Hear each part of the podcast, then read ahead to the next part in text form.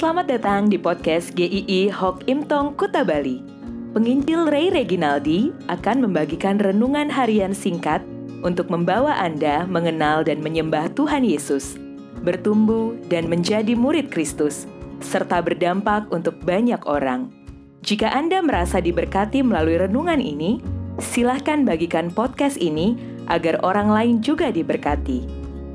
Inilah renungan hari ini.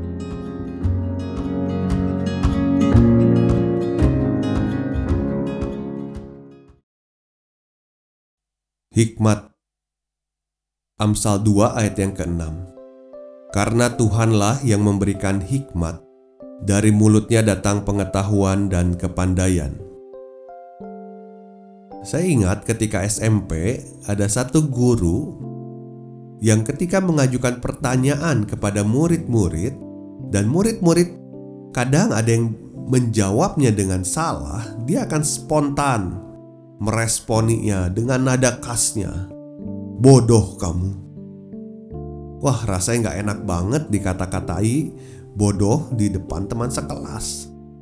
Tetapi kadang ada jawaban-jawaban yang memang nyeleneh sekali. Lalu saat saya merenungkan bagian ini, sangat mungkin kita juga bisa hidup di dalam kebodohan. Bukan berarti bodoh karena kurang pengetahuan, tetapi kita tidak hidup di dalam hikmat Tuhan.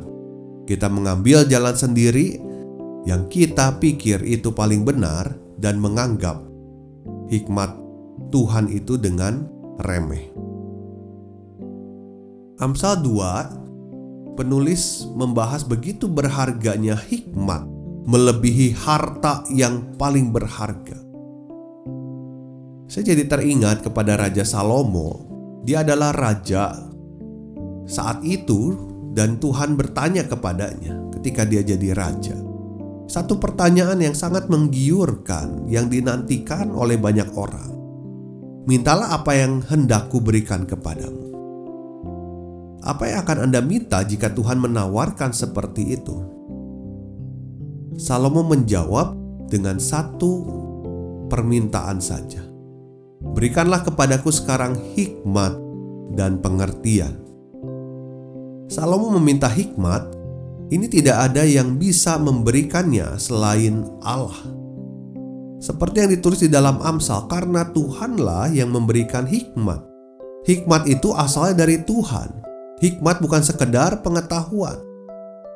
Jika di dalam terjemahan lain frasenya pengetahuan dan kepandaian disebut juga pengetahuan dan pengertian bisa membedakan manakah yang sesuai dengan kehendak Allah atau tidak dan menghidupinya.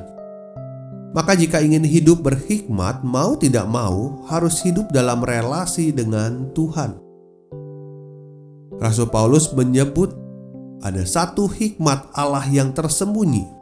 1 Korintus 2 ayat yang ketujuh yang dikatakan dalam 1 Korintus 2 ayat 9 apa yang tidak pernah dilihat oleh mata dan yang tidak pernah didengar oleh telinga dan yang tidak pernah timbul dalam hati manusia semua yang disediakan Allah untuk mereka yang mengasihi Dia.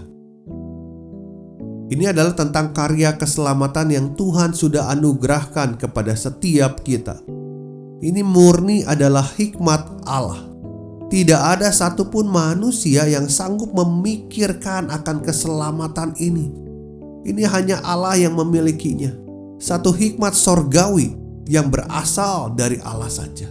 Namun kita bisa memahami dan mengalaminya karena Roh Kudus. Tuhan Yesus disebutkan di dalam Yesaya bahwa Dia adalah Sang Penasehat ajaib dia tahu segala sesuatu, dia tidak pernah kehilangan akal untuk menolong, jalannya selalu yang terbaik. Jalannya untuk menyelamatkan setiap kita. Tuhan mau hidup kita adalah hidup di dalam hikmatnya, bukan sembarangan hidup.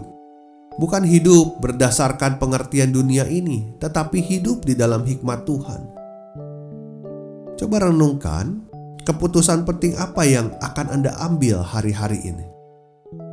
Sudahkah melihatnya berdasarkan terang firman Tuhan? Apakah keputusan itu lebih memuliakan Tuhan atau justru untuk kemuliaan pribadi Anda?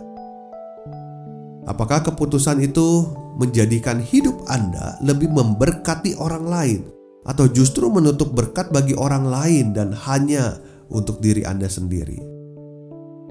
Tundukkanlah diri Anda pada terang kebenaran firman Tuhan. Dari sanalah Tuhan akan menuntun untuk hidup di dalam hikmatnya. Di dalam segala situasi, kita adalah orang-orang yang rindu untuk punya rasa aman. Tetapi Anda mau rasa aman yang temporer atau permanen? Nantikan di episode esok hari. Tuhan memberkati.